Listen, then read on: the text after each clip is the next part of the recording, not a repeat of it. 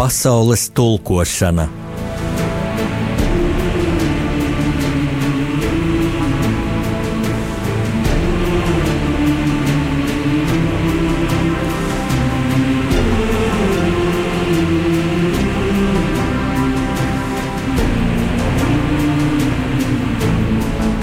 Studijā rakstnieks Jānis Udris.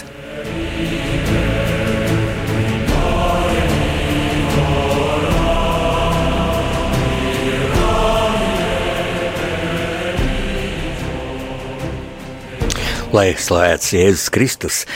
Mīļie klausītāji, man patiesi prieks atkal stundu būt kopā ar jums, un šoreiz, šoreiz es sākšu ar stāstījumu par kādu ļoti neparastu cilvēku. Viņš ir uzņēmējs, bet viņš ir arī dzinieks. Un uh, es sākšu šo stāstījumu ar viņa dzējoli. Dzīvols saucas Dzimtene mana, Tāpat saucas šī autora jaunākais dzīvoļu krājums, kas iznāca mm, pagājušā gada nogalē, un es biju aicināts pirms nedēļas, trešdienā, vadīt šī jaunā dzīvoļu krājuma atvēršanas svētkus, atvēršanas vakaru, un tā Jānis Zeps, dzimtene mana. Dzimtene mana, zaļi meži, zeltaini lauki, brūni lielceļi, cik tas viss jauki, kur palicis ganiņš, ganiņš, kur? Rudzu klājienu zilu rudspuķi tur, kur gotiņa brūnā, kas meža malā bija, un cēlēna bars, kurš pagalmu bija, redz tos tālumā, modīgā kūtī, tie lielo pasauli redz caur loga rūti un olas birst kā līst piena litri. To kādreiz rādīja filmu titros. Un viens sēta mana, kur mana māja, tagad pāri melns asfalts slāja. Nu, bet tā tam nu jābūt. Tā šodien ir, un mierīgi cilājas mana sirds. Par pilsētām nē, tur miljārdus zog, tas manai tautai tas Latvijai sloks. Un ļaudis tik klusi, ka baigi kļūst, tā augstumā lēnām āboli pūst. Un daudziem sauli nebūs redzēt lemts, nezinu tev kā, bet man tas kremt. Es ceļos, ir jāceļas pret visu šo tikai tā var nebūt kauns par jaunpiedzimušo dzimtene mana. Ja man šī zeme dota, es cīnīšos, kamēr tā nav izpārdota. Lūk, lasot šīs rindas, es jūtu, es ceru, ka jūs jūtāt, tas rakstījis ļoti stiprs cilvēks, un nezinot autoru Jāni Zepu, manu draugu kopš tāliem jaunības gadiem, mm, droši vien visiem jums vai daļai radās iespējas, ka tas ir arī fiziski ļoti spēcīgs cilvēks. Mm. Un jūs būsiet varbūt pārsteigti par nākamo dzējoli, kur rakstīs tas pats autors. Lūk, ieklausieties! Dzīvols saucas, tu esi vesels, un tajā skan šī autora man drauga mūža lielā sāpe. Tu esi vesels, es esmu slims, un pasaulē no jauna dzimst. Pēc tevis ziedonī lapas limst, jājautā, vai tu neesi slims. Pēc tevis ziediņa galvu liec, es gribu iesaukties, neaiztiec. Bet reizēm sanāk to nesaprast, ka daba nevar saskaņu rast. Vēja var visus pasaules raut, neprasot var vai neatļauts. Slimais savādāk maigumu nes un neiet izbradāt zemenes, bet veselu logu tev veselam dos, zemi svešniekam neizpārdos. Un māju sautas nosargās, gan brālais sargās, gan tevi mās. Tu esi vesels, es esmu slims, man slimam uz vaiga asarlās, ka dzimtenē manā tā iekārtots, ka visu nāvē, kam vara dota. kas sauli no rītiem sagaidot mums, man slimām, ir pareizā redzējums. Es neprotu zakt, tev godu ņemt, un man sāp, tā ir mūsu zeme, mūsu zeme. Un zemē sāp, ka veselie spēj pasauli izkārtot kopā ar vēju. Šos vārdus rakstījis šo dzējoļu krājumu, jau ne pirmo savu dzējoļu krājumu, izdevusi cilvēks, kurš jau vairāk kā divus gadu desmitus ir paralizēts un vada savus dienas ratiņkrēslā, vienlaikus vadot savu firmu, cenšoties to nosargāt mūsu, diemžēl, samilzušās birokrātijas džungļos, cenšoties nomaksāt nodokļus, firmas nodokļus, kurus viņš dažkārt maksā no savas invalīdu pensijas. Šo cilvēku sauc Jānis Zepes. Mēs esam pazīstami kopš agras jaunības. Mēs iepazināmies tālajos pagājušā gadsimta 70. gados Jelgavas jauno literātu apvienībā, kuru es to laiku vadīju, gāja diezgan grūti, jo kaut kā pārsvarā uz šo apvienību nāca cilvēki, kuri grib rakstīt, bet, jūs ziniet, lai rakstītu dzējoļus vai prozas darbus, nu, diemžēl nepietiek tikai ar gribēšanu, vajag arī varēšanu, vajag, lai Dievs būtu, talant, būtu devis talantu. Ja vienam ir talants dejot, vienam aktieru talants, nu, šajā gadījumā vajadzēja literāta talantu, ne visiem tas bija. Un, ja nav talanta, nu, tu faktiski moci tikai sevi un citus, tā saka, nu, tur 5% darbs, 5% eh, talants, 95% darbs, ziniet, tas ir diezgan um, aplams um, apgalvojums. Talant, talantu procentam ir jābūt daudz lielākam, un tad, protams, darbam, tad, protams, darbam. Un tad vienā jaukā dienā atnāca kāds Jelgavs augstskolas, toreiz tā bija Lauksaimniecības akadēmija, Latvijas Lauksaimniecības akadēmijas students. Un viņš ienāca, man liekas, ka ienācis telpā ir ļoti pašapziņīgs un ļoti labi situēts cilvēks. Viņš bija labi ģērbies, pat eleganti. Toreiz padomju mm, sistēmas mūžīgā deficīta apstākļos tas nebija tik vienkārši nemaz, bet viņam kaut kur bija laimējies nopirkt tādu glītu. Glīta pašūta mēteli, viņam bija galvā tāda, tāda platmalīta sportiska. Arī tas viss, nu tā, laimes gadījums, kad, kad izdevies to nopirkt. Un, eh, kad šis cilvēks, tas bija Jānis Zepes, un kad Jānis lasīja savus pirmos dzējoļus, pirmos, ko bija atnesis mums, tad es redzēju, jā, ka tas ir cilvēks, kam ir gan Dievs devis talantu, gan kuram ir pietiekami daudz gribas un darba šo talantu kopt. Un tad liels man bija pārsteigums, ka pēc kāda laika es uzzināju, ka šis it kā ļoti labi situētais, labklājīgais cilvēks patiesībā pēc studijām akadēmijā par naktīm strādā kādā rūpnīcā par kurinātāju, kurina centrāla apkurs krāsnes.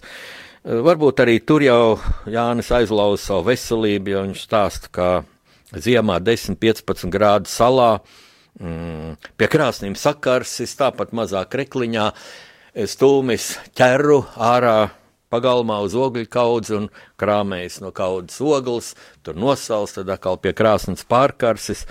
Nu, lūk, mm, tā tas bija, un šim mēs pēc tam mēs vadījām diezgan tādu mm, vētrainu jaunības laiku. Mēs daudz ceļojām, mēs kopā ar Jāni Zepu, Smailītē, nobraucām lielu gabalu pa Daugau.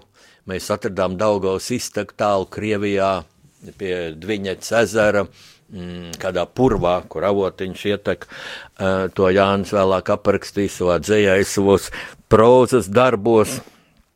Un tā gāja gadi, un Jānim bija ļoti liels organizators spējas. Un, ja tagad mm, kontekstā ar dažiem citiem uzvārdiem, arī viens no šiem šo uzvārdu nesējiem aizgāja nesen mūžībā un bija dzeltenajā presē un citu krāsu presē reportāžas no viņa izvadīšanas, lai Dievs, lai Dievs viņu Viņa vērtē mm, cilvēkam pierakstīt tādi mm, sasniegumi kā leģendāro Rīgas kinodienu noorganizēšanu vēl padomi sistēmas apstākļos, tikko bija sākusies Gorbačova šīs atklātības ēra, kā toreiz to saucām, grandiozs Rīgas kino dienas bija sarīkots ar gaisa baloniem, ar dažādām atrakcijām. Pēc tam no šīm mm, Rīgas kino dienām izauga video centrs, kas, kas rīkoja slavenos kino arsenālus. Man paudze to ļoti labi atcerās. Pat arī tie, kam šodien ir kā 40 gadi, es domāju, agrā jaunībā, kā pusauģi, redzēju mm, šos grandiozos pasākumus, kam bija liela nozīme, tāds brīvs, radošs domas ienešanā mūsu tolaik pel, pelēcīgajā, nu, nomāktajā padomju okupācijas laika ikdienā, un es domāju, tas arī ļoti sek, lielā mērā sekmēja atmodu. Un tad, lūk, ja tiek minēti kādi divi uzvārdi, kā, kā šo pasākumu nu, rīkotāji. Tad te prasās korekcija. Neņemiet ļaunai, es neminēšu šos uzvārdus, jo viens no šiem cilvēkiem nesen aizgāja mūžībā, mm, mm, lai viņu vērtē Dievs. E, jā, tā bija šo divu cilvēku ideja ideja. Bet redziet, lai ideja īstenotos, tas ir tāpat kā ar dzēju, ka nepietiek tikai ar gribēšanu, vajag varēšanu. Un lūk, cilvēks, kas varēja, kam bija šī varēšana, kas kļuva par šo Rīgas kino dienu galveno organizētāju, oficiāli viņš saucās ģenerāla direktors. Ka bija viss atbildība, finansiāla, meklēt sponsors, meklēt uh, talantīgus cilvēkus, kas strādā uh, mm, lai realizētu šo ideju, vadīt šos cilvēkus. Vēlāk izveidot šo video centru, video centru, kam bija liela nozīme mm, barikāžu laikā, ja tieši no video centra mm, pēdējā gaitā uh, filmēt uh, apšaudi pie iekšlietu ministrijas, pie Basteika kalna, aizgāja Andrs Slapiņš, vecrīgā ir pie kaķu nama plāksne, ka Lūk, Andris Lapiņš aizgāja no šī nama. Un tas nav melots, jo šajā namā atradās jūra podnieka studijā, kurā darbojās Andris Lapiņš, bet ir tāda viena nianses, ka šim video centram, kuru ļoti nu, talantīgi vadīja Jānis Zeps, ka viņam tobrīd bija izdevies sagādāt, nu, pašas modernākās divas video kameras, kādas tolaik bija pieejamas, un, un tās bija video centra īpašuma. Andrs Slapiņš no Kaķenāma gāja nevis tieši uz Basteja kalnu, bet viņš aizgāja uz video centru, kas atradās nedaudz tālāk vecrīgā, vecrīgā Mārstaļa ielā 12 un paņēma tur no man drauga Jāņa Zepa. Viņi bija arī draugi. Vienkārši viņam video centrs Jānis Zeps aizdeva šo video kameru, kas arī nākamajā rītā pēc Andras Lapiņa traģiskās nāves tika atnest atpakaļ uz video centru, un uz tās bija mūsu, mūsu mīļā Andras Lapiņa asins. E, pavisam nesen, pirms pāris gadiem, e, kad mēs atzīmējām janvāra barikāžu ceturdaļu gadsimta jubileju uh, Zinātņu akadēmijas augstceltnē, zinātniskā konferencē, uh, tika parādīta video filma Barikāde, kuras nu, autors, producenta kvalitātē bija mans draugs ratiņkrēslā Jānis Zepes.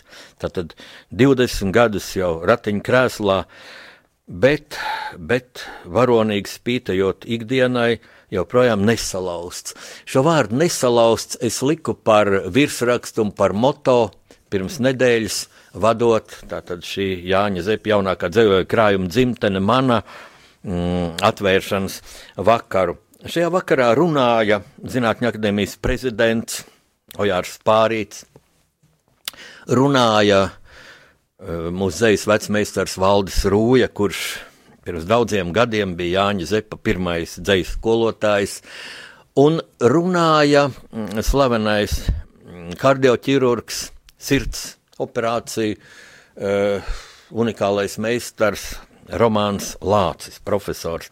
Un man tieši no Romāna Lāča runas iekrita prātā un sirdī uh, paši pirmie vārdi. Viņš teica, Jāni, Jānim Zepam, viņš to teica, Jāni, tu esi parādība.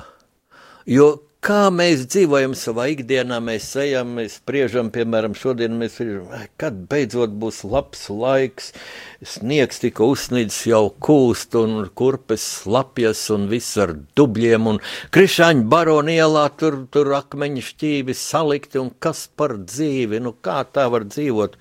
Bet šeit lūk ir cilvēks, kuram katrs ikdienas solis ir varonība Dieva dāvana, ka viņam līdzās, pēc tam, ka viņš vairāk kārt bija vīlies cilvēkos, sievietēs, draugos, viņi nodeva gan vienas, gan otri, ka viņš sastapa ļoti uzticamu savu dzīves draugu Viju Zepu, kas ar viņu ir bija kopā deviņus gadus, kad Jānis bija vesels šajās baltajās dienās, un tagad mm, vairāk kā 20 gadus šajās nebaltajās dienās. Un tas ir patiesi Dieva brīnums, šāda divu cilvēku saprašanās. Un rīt, 2. februārī, Jānim Zepam ir, ir ļoti nozīmīga diena, 70. jubileja. Jā, laiks iet, un dziniekam Jānim Zepam, īstam cilvēkam, īstam latvietim, parādībai, kā teica profesors Romāns Lācis, rīt 70 gadi. Es zinu, ka mans draugs Jānis Zepes pašlaik savā mājā, sauriešos, klausās šo raidījumu. Es gribu teikt, mīļais draugs, es domāju, ko tev vēlēt, teikt veselību, tad es nebūtu patiesi, jo pilnīgi vesels tu nekad nebūsi, jo Jānim Zepam ir mm, traumēti mugurkaula nervi, mugurkaula nervs, Un pie šodienas zinātnes līmeņa to vēl tikai teorētiski var būt kaut kā paredz, ka kādreiz to varēs kaut kā aizstāt, protezēt, sārstēt. Es vēlu tev, lai tu vieglāk pārcies sāpes, lai sāpes mazinātos, lai tev sadzītu ātrāk un labāk rētas pēc vairākām pērnrudenu, tieši dzējoļu krājuma iznākšanas laikā pārciestajām operācijām, Un vēl es tev vēlu patiesu, patiesu laimi, jo būtībā jau mums šajā dzīves dimensijā ir viens skatījums uz to, kas ir laime, bet laikam jāstāsta mums, kristiešiem, mūžības kontekstā un jānovērtē, ka varbūt ir laime, dievdot laime tā, ka tu esi dzīvs, jo varēja arī būt savādāk. Un vēl lielāka laime varbūt ir tā, ka Dievs tev ir devis tādu spēku, tik dziļu, tik patiesu spēku, ka tu spēj nevien mm, būt dzīvs, pastāvēt, pretoties savām likstām, savai invaliditātei, bet ka tu spēj būt paraugs citiem cilvēkiem, ka tu spēj palīdzēt citiem cilvēkiem, pārvarēt daudz sīkākās, daudz mm, nenozīmīgākās ķibeles, klizmas, nepatikšanas, Es tev novēlu patiesu, dziļu, dziļu dievu svētību, un lai šai dievu svētībai, kā zīme, kā ķīla, skan dziesma.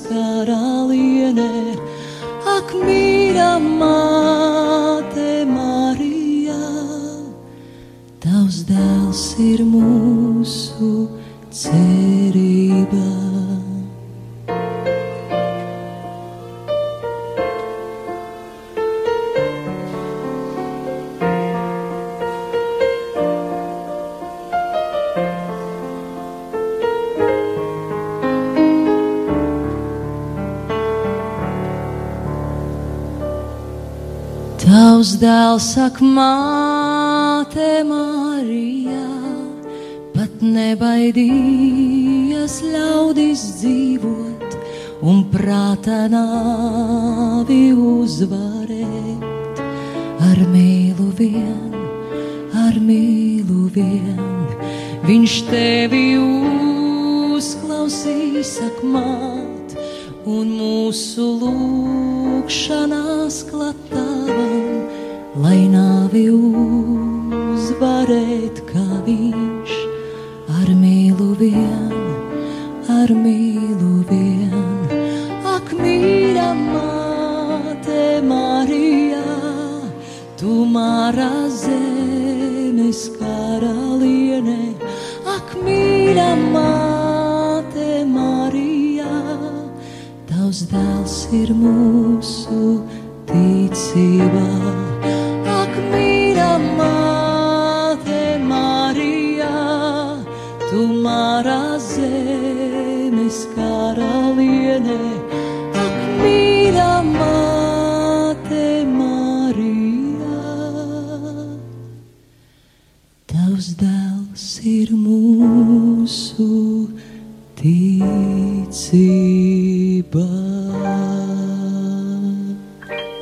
Jūs klausāties Radio Mariju Latvijā mm, raidījumu rakstnieku pārunu stunda pasaules tulkošana kopā ar jums ir Jānis Udris.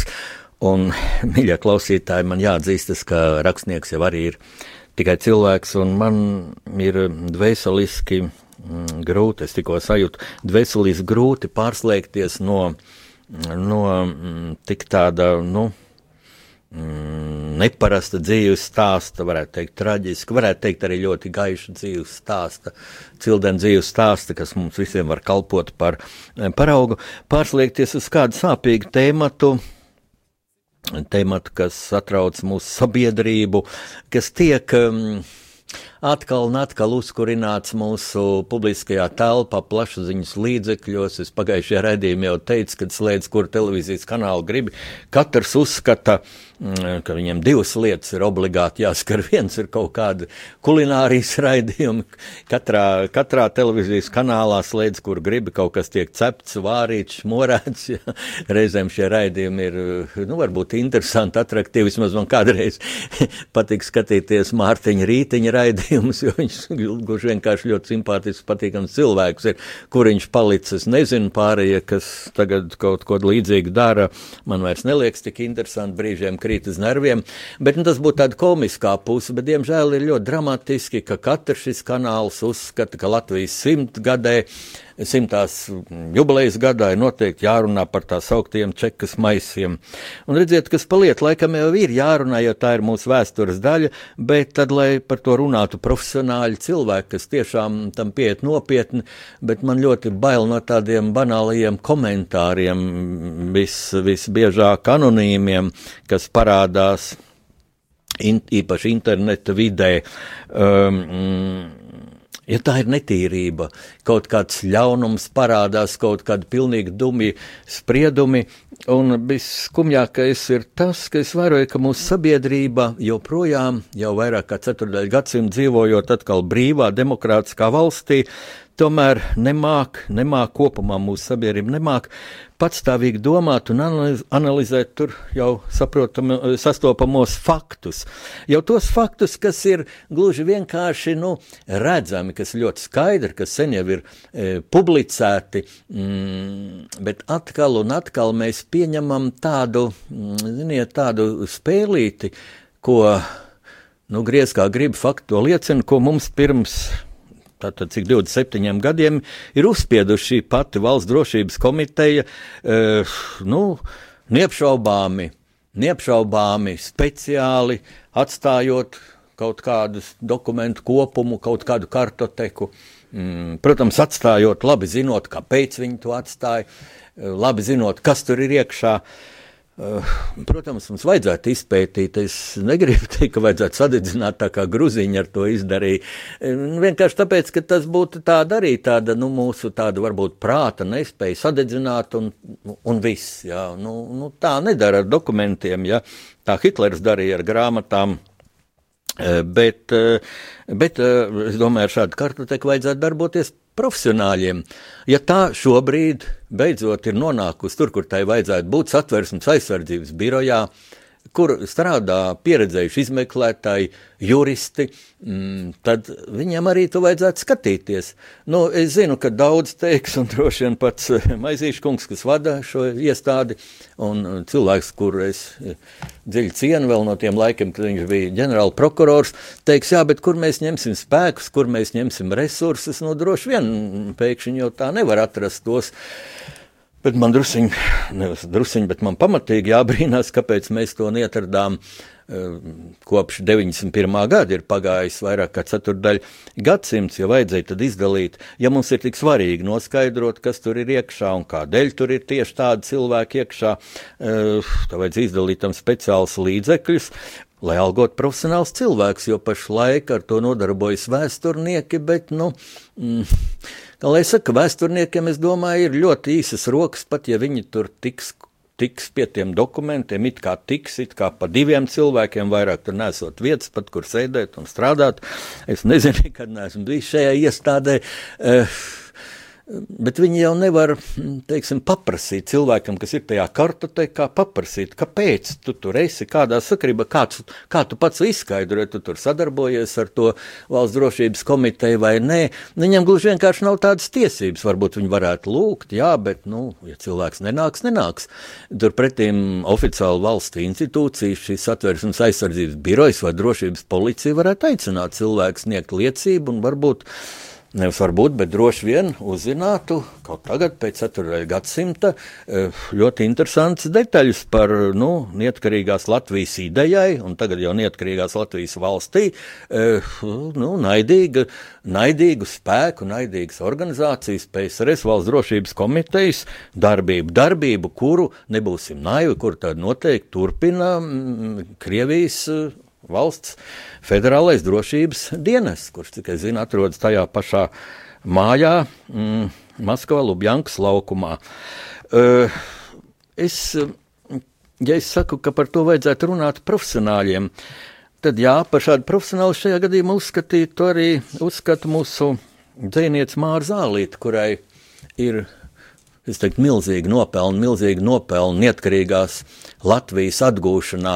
Un es ieteiktu izlasīt pirms laikam divām nedēļām avīzē sestdien, tātad laikraksts diena, sestdienas pielikumā, publicēto interviju ar Māru Zālīti, kur viņa runā ar dziļu rūkumu par šīm spekulācijām ap šiem tā sauktajiem čekas maisiem.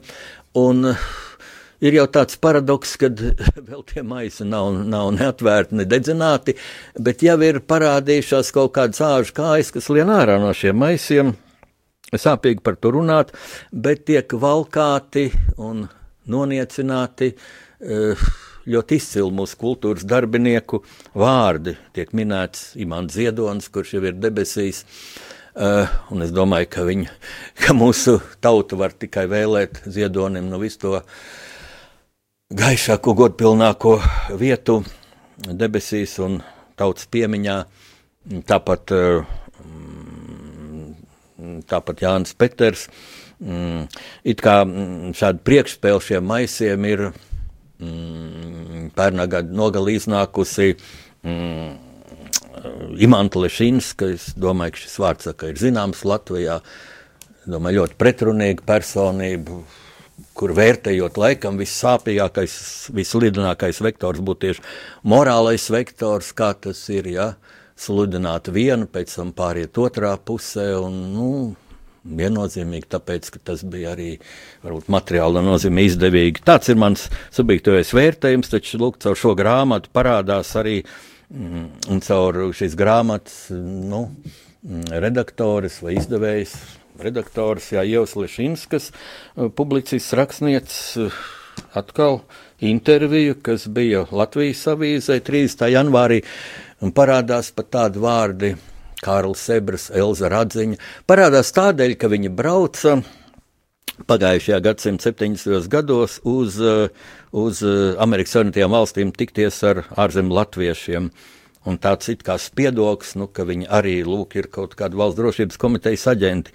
Un tad man jārunā par Māra Zālīts ļoti traģiskiem vārdiem, ļoti traģisku domu, ko viņa min savā intervijā sestdienā, kad ir tāda, mm, tāds sens okupētāju, okupantu nu, paņēmiens, princips, ļoti gudrs, ļoti viltīgs, ļoti bīstams, kad okupē kādu zemi, tad vispirms sagraut šīs zemes inteliģenci. Mēs atceramies, ka tieši tādēļ mm, 1941. gadā, 14. jūlijā, jūnijā, atvainojiet, 14. jūnijā, eh, kad tika deportēts, deportēta apmēram 15 tūkstoši latviešu no Latvijas, 15 tūkstoši Latvijas iedzīvotāji, Tur bija ļoti liela daļa inteliģences, visa inteliģences zieds. Tādēļ arī 44. un 45. gadā, kad atkal nāca Rīga, Latvijā sarkanā armija, tik daudz kultūras darbinieku devās trimdā, devās emigrācijā. Uh, Un, jā, tas bija mūsu tautai sāpīgi, bet jāteic, tas bija pareizs solis, vēsturiskā perspektīvā pareizs, jo citādi viņi arī būtu nogalināti Sibīrijā vai Čekas pagrabos. Tas ir briesmīgi, un tad Māra Zālīte raksta lūk tādu faktu, kad ir nācis klajā kāds dokuments, ka 91. gadā, mm, kad tika veikts Augusts Pučs, kad pat šo Gorbačovu plāno šķidro neveiksmīgo demokrātijas eksperimentu ar atklātību, ar runas brīvību, eh, centās sagraut eh, ļoti reakcionāru cilvēku kliķa, remo, eh, reakcionāru amorālu cilvēku kliķa, lai atjaunotu, nu, varbūt tikpat briesmīgu režīmu kā Staļina režīms, ka tad ir bijis projekts izolēt, vārds izolēt, ko tas nozīmē nošaut, nosaldētais polārā loka 4000 latviešu kultūras darbiniekus. Un tad man liekas, tā, man liekas, un Māra Zālīta rakstu, ka arī šī pašreizējās šīs raganu medības, kas jau ir uzsāktas, vai tas nav kaut kā apz, neapzināti, vai arī apzināti, domāju, jā, varētu būt apzināti no kaut kādiem tumsas spēkiem virzīt solis jau uz mūsu tautas pazemošanu, apspiešanu, degradēšanu, varbūt sagatavošanu tādai garīgai okupācijai, un tieši Latvijas simtās jubilejas gadā. Nu, un te man pasaules tulkotājiem, jo man pārunu stundu sauc pasaules tulkošana, Ievērojiet, ne jau citur pasaules radīšana, mēs zinām, ka pasauli radīja Dievs, tāpēc tā ir tik skaista. Jā, bet arī ar lielu atbildību cilvēkiem, nu, man kā pasaules tulkotājam, kā cilvēkam, kurš dzīvē jau ir daudz pieredzējis, kurš ir pieredzējis arī, kā tas ir, ka tev pazīstamam žurnālistam dveš šī čekas mūžīgā sekošana, šī čekas elpa pakausī. Mm, man gribās teikt tā, ko es ieteiktu. Ziniet, ja ir grūti orientēties šajā haosā, nu vismaz nepiedalīsimies, vismaz nepiedalīsimies ar anonīmiem komentāriem, lai spriež profesionāļi, lai diskutē par to, bet arī neļausimies šiem tumšajiem apgalvojumiem. Es personīgi uzskatu, ka īsti neģēļi, īsti uh, savus tautas nodevēji, kad viņu vārdi, viņu kartotēki sen jau ir prom Krievijā, jo ir taču zināms, nu, vienkārši tas arī man pārsteidz, ka daudz ignorē šo faktu, ka lielum, lielum, lielā daļa no šiem valsts drošības komitejas arhīviem tika jau 80. gadu otrajā pusē, sākoties atmodai, aizvest prom uz, uz Krieviju. E, to jūs varat uzzināt arī, piemēram, no tādas dokumentālas filmas internetā pieejamas mm, Čekas ēna, kas ir uzņemta Rīgā 2014. gadā, kur runā tobrīd vēl dzīvais pēdējais valsts drošības komitejas priekšētājs Johansons. Viņš arī skaidri saka, ka nu, mums šajā iestādē mums ir tāda vienošanās, ka neizpaust nekādas aģentu vārdus. Nu, tā tad skaidrs, ka šajos maisos nevar būt tāda īsta aģenta. Un, un vēl man tā dīvaini liekas, ka mm, nu, pie mums bieži atsaucas, lūk, Vācija atvēra šos arhīvus, un, un tur vēl tādā valstī, un tādā Lietuvā atvēra, uh, Igaunija atvēra. Nu, Lietuvā jā, tikko atvēra, un tad pat mūsu mm, televīzijas diktori satraukumā trīcošās balsī, balsīs ziņoja, izrādās Doņā, Donāts Baņonis bijis Čekas uh, aģents. Un Cilvēki tā uztver, iedomājies, jā, viņš bija šis brīnišķīgais aktieris, kas to būtu domājis. Un cilvēki nepapūlis paskatīties turpat Google, lūk, par šo Donātu Baņoni, un es paskatījos, man daudz kas kļūst skaidrs. Ka viņš tā kā skaitās, tas aģents, viņa, viņa vārds ir ierakstīts kaut kādā tur kartotekā 1970. gadā. Un viņa dēls atcerējies, ka tajā gadā jā, viņš brauca uz Ameriku, tikties ar uh, Amerikas lietuviešiem, un viņš bija arī teicis, ka nu, viņi pamatīgi ir instruējuši. Ja? Un es redzu tikai vienu. Dziet, bija ļoti aktuāla problēma mm, padomju okupācijas laikā. Nu, PSRS pilsoņu, arī no Latvijas daudzu pazīstam latviešu vai, vai citautību cilvēku, kas dzīvoja Latvijā.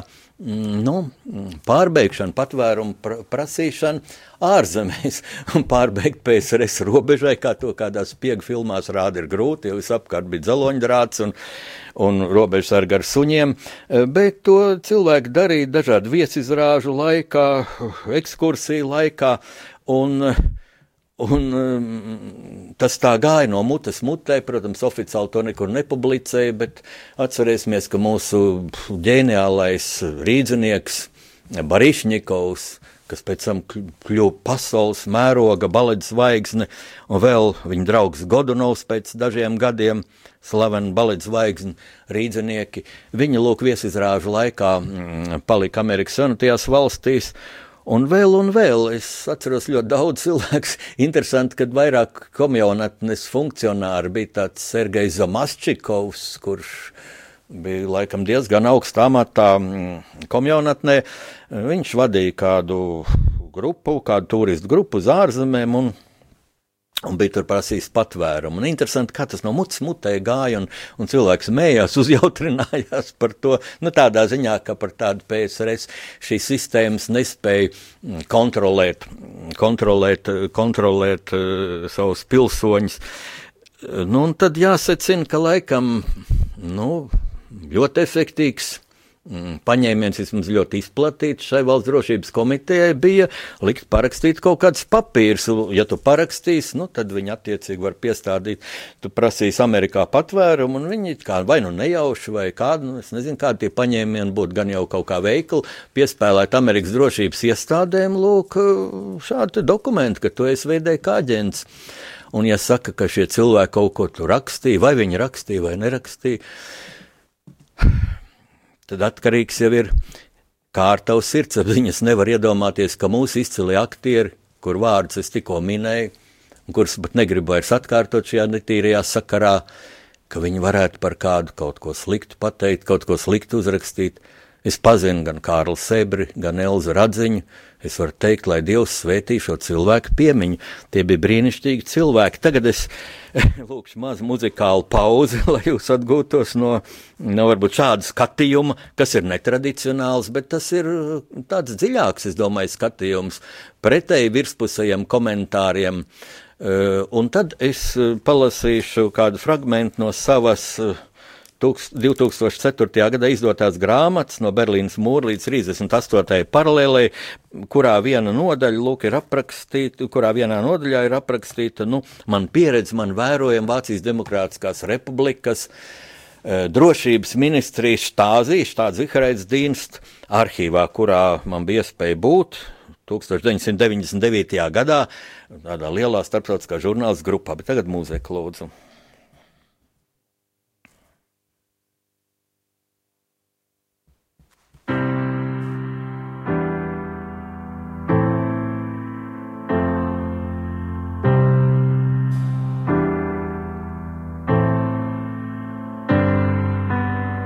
Mana sirds ir Latvijā, lūdzu, dod man spēku. Visur tevi Latvijā, dzirdu, jūtu, redzu, kad es būšu Latvijā, dod man mūža mājas, visu mūžu Latvijā.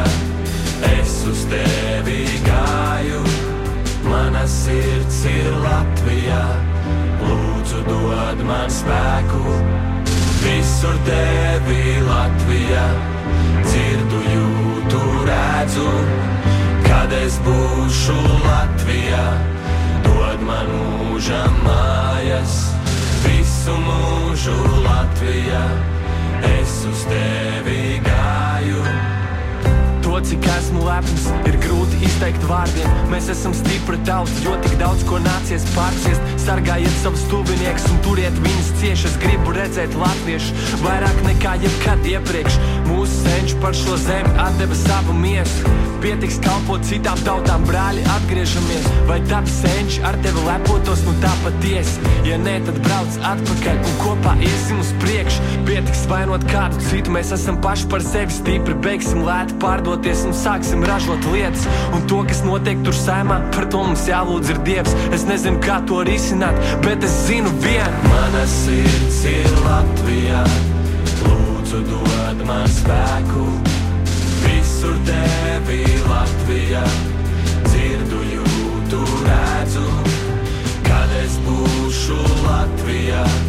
Dod man mūža mājas, visu mūžu Latvijā. Es uz tevi gāju, mana sirds ir Latvijā. Lūdzu, dod man spēku, visur tevi Latvijā dzirdu, jūtu, redzu, kad es būšu Latvijā. Dod man mūža mājas, visu mūžu Latvijā. Tā tad man grāmata no Berlīnas mūra līdz 38. paralēlai. Ja interesē, jūs to varat atrast. Es domāju, katrā bibliotekā. Tā tad ir 1999. gads. Eh, Jānis Udrs kopā ar vēl apmēram 30 dažādu valstu žurnālistiem pēc Vācijas federa, eh, federālās valdības ielūguma, eh, gatavojoties Vācijas apvienošanas desmitajai gada dienai un Berlīnas mūra krišanas desmitajai gada dienai, viesojas Berlīnē, un mēs esam bijušā, bijušās Vācijas Demokrātiskas Republikas drošības mm, ministrijas štāzī mm, arhīvā. Mm, es tikai gribu piebilst, ka šo arhīvu pārzina nevis kāda nu, mm, pašdarbnieka, entuziastu, vēsturnieka vai kāda cita grupa, bet ir eh, Vācijas federālās eh, valdības dienas darbam ar šiem bijuš, bijušās Vācijas Demokrātiskās republikas mm, oficiālajiem dokumentiem. Un šajā, ekspedī, eh, šajā ekskursijā vai ekspedīcijā mūs pavadīja Kornelija Bula, kur ir šī valdības eh, ļoti prestižā dienesta pressekretāre. Toreiz bija jau pagājuši jau daudz gadi, ja šajā amatā tagad droši vien cits cilvēks, un Kornelija Būla bija mācītāja pēc profesijas, gados vēl pajauna sieviete mācītāja, un tā lūk štāzija arhīvs. Lielā zālē ar varu plātņu klātām betonu sienām atrodas desmitiem maisu ar daļēji jau iznīcinātiem dokumentiem. Daži maisi nebija aizsieti, un tajos varēja redzēt papīra smalcinātajos sašķērētu dokumentu, fotografiju un filmu strēmeles, taču vairumā maisu glabājas vienkārši rokām saplēsts un sajauktas papīra loksnes. Kāpēc viņa dokumentus nesadedzināja, vaicāja zviedru žurnālists un Kornelija Bula pasmaidīja. Jūs esat laimīgs cilvēks, ja jums nav nācies dedzināt dokumentus. Pamēģiniet, un jūs redzēsiet, cik tas ir grūti. Ārējās loksnes sabirst pelnos, uguns nodziest, bet kaudzes iekšpusē papīri paliek veseli. Nākamajā telpā, milzīgā spoža apgaismotā zālē, garos plauktos rindojas stāzīja izsekoto personu kartoteka. Te piebildu viņiem ir saglabājušās vesels divas kartotekas, vienā, kurā bija cilvēki, kurus izsekoja, un otrā bija tie izsekotāji. Lūk. Šajā zālē ir apmēram 3 miljoni lietu, bet visā štāzija arhīvā vismaz 6 miljoni lietu. Es atkārtoju, 6 miljoni lietu. Valstī bija 18 miljoni iedzīvotāji šajā Vācijas Demokrātiskajā republikā. No tiem apmēram 2 miljoni lietu ir par ārzemniekiem, taču galvenais štāzija novērošanas un izsekošanas objekts bija Vācijas Demokrātiskās republikas pilsoņi, stāstīja mūsu pavadoni. Mēs bijām gaidījuši striktu apsardzi ka šeit noteikti arī ir tikai neuzkrītoši ar elektroniskiem līdzekļiem nodrošināta.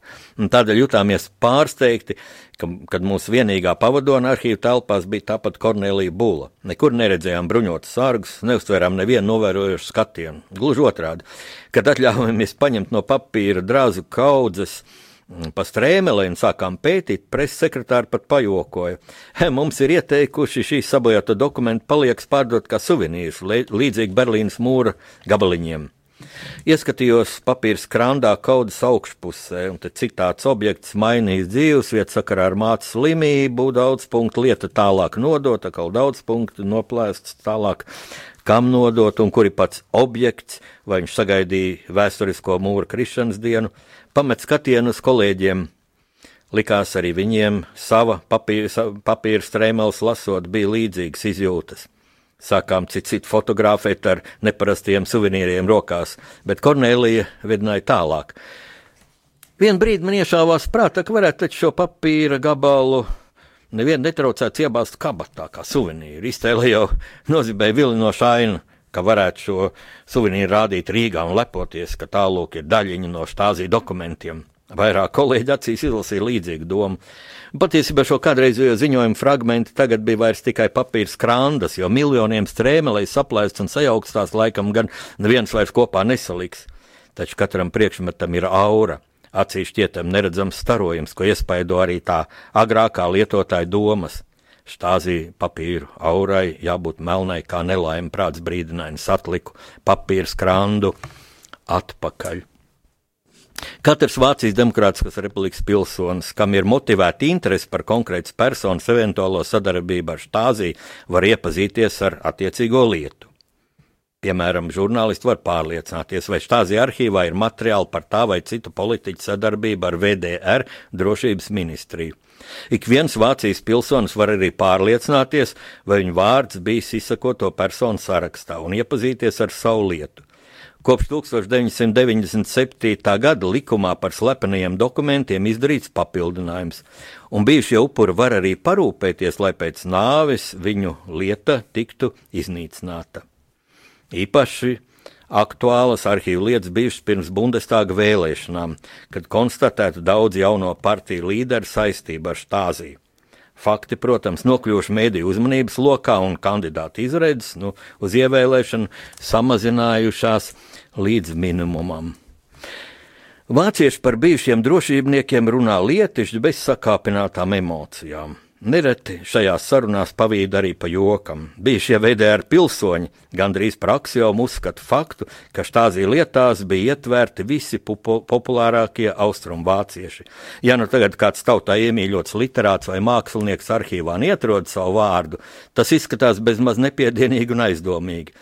Vācieši joko, neatrada savu vārdu izsakoto personu lietās, godkārīgs cilvēks ķeroties pie štāzī arhīvu saraksta. Bet katrā jokā ir arī daļa patiesības. Pēc Kornelijas Bulas teiktā gadījumi, kad kāda populāra Vācijas Demokrātiskās republikas cilvēka vārds nebūtu štāzī lietās, esot ārkārtīgi reti, un arī tie parasti izskaidrojami ar kādām šīs iestādes iekšējās kārtības īpatnībām. Nu, piemēram, aģentam kādu īpašu apsvērumu dēļ nomainīts uh, segvārds. Nu, arī jokam par savu vārdu meklēšanu, vispirms izsakot to pēc tam aģenta sarakstā, esot nopietnas pamats, jo daudzos gadījumos viena un tā pati persona varēja būt gan štāzija izsekošanas subjekts, citiem vārdiem aģents, gan objekts, cilvēks, kuru izseko. Nu, lūk, tālāk eh, es te aprakstu konkrētus gadījumus, no, no, no šīm, šīm arhīvu lietām, e, kā šie ziņojumi skan, kur redzams, kā vienu aģentu pārbauda atkal cits aģents, un kā šis pārbaudāmais aģents ir centies būt godīgs, gluži vienkārši izlavierēt. Viņš tur saka, ka bija piedzēries, ka ieceros un tā, bet otrs saka, nē, viņš izdzer tikai divas glāzes salas, bet tas, lai jums paliek intrigai, tā kā seriālos, kad tajā saistošākajā vietā pār uh, filma beidzas, jo mans laiks arī iet uz beigām, un, ziniet, es ļoti, ļoti negribētu beigt šīs, nu, jā, es teiktu, nu, tādas netīrās, melnās nots, melnās auras, mm, kas ir uzklāta. Uzklāta, jā, pirms 4. gadsimta vairāk uzklāta Latvijas valsts simts gadu jubilejai. Vismaz eh, nevairosim paši to tātad ar tādām, nu, liekām, liekām emocijām. Uh, spriežot, turot citu cit aizdomās. Gluži vienkārši, lai ar to nodarbojas speciālisti, un atcerēsimies vienu mm, vārdus, kur man dziļguļ sirdī, kurus man kādā brīdī, kad es tiku smagi apmelots gan citā kontekstā, e, kurus teica mans mācītājs Juris Rubens, Lutāņu mācītājs tepat blakus Radio Marija Latvijas studijai esošajā Torņkalnu baznīcā Rīgas Lutera draudzē. Viņš teica, zini, Jāni, Kā bija patiesībā, to zini tu, un to zina Dievs. Un par pārējo nevajag satraukties, jo galvenais, ka patiesību zina Dievs. Un es, mīļie klausītāji, es gribu no jums atvadīties ar vēl vienu mm, dzinieku Jāņa Zepa dzējoli no jaunā krājuma dzimtene mana. Mm, kad es izlasīju šo dzējoli, dzējoli sauc Oda priekam. Uh, Oda Mirklim, atvainojiet, Oda Mirklim, un te man nāk prātā Gēts, Fausts un Gēts, fa, Gēte liek min šādas vārds, jau mir, Mirkli apstājies, tu esi skaists. Nu, mēs zinām, kādā kontekstā, diezgan neviennozīmīgā šī vārda tika teikta, bet lūk, ko par mirkli saka cilvēks, kurš vairāk kā divus gadu desmitus vada uh, ratiņkrēslā, demonstrējot dziļu vīrišķības paraugu mums pārējiem saviem laika biedriem, Oda Mirklim. Kas esi tu, ko meklēt te, ko iegūt vēlies un vēl smēj? Tev tumsa roka apkārt liek, nāc taču klāt, lai diena tiek. Tu, mana cerība, es tavs tev pretī traukties baiļu nav.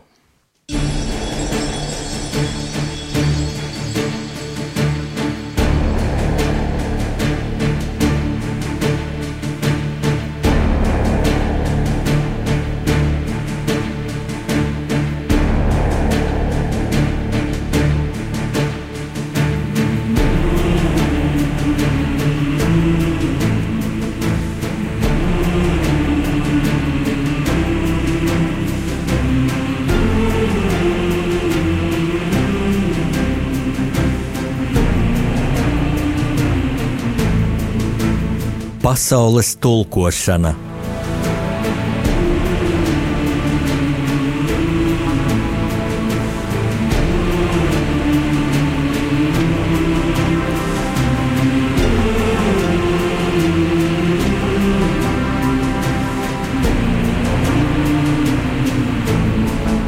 Studijā rakstnieks Jānis Udris.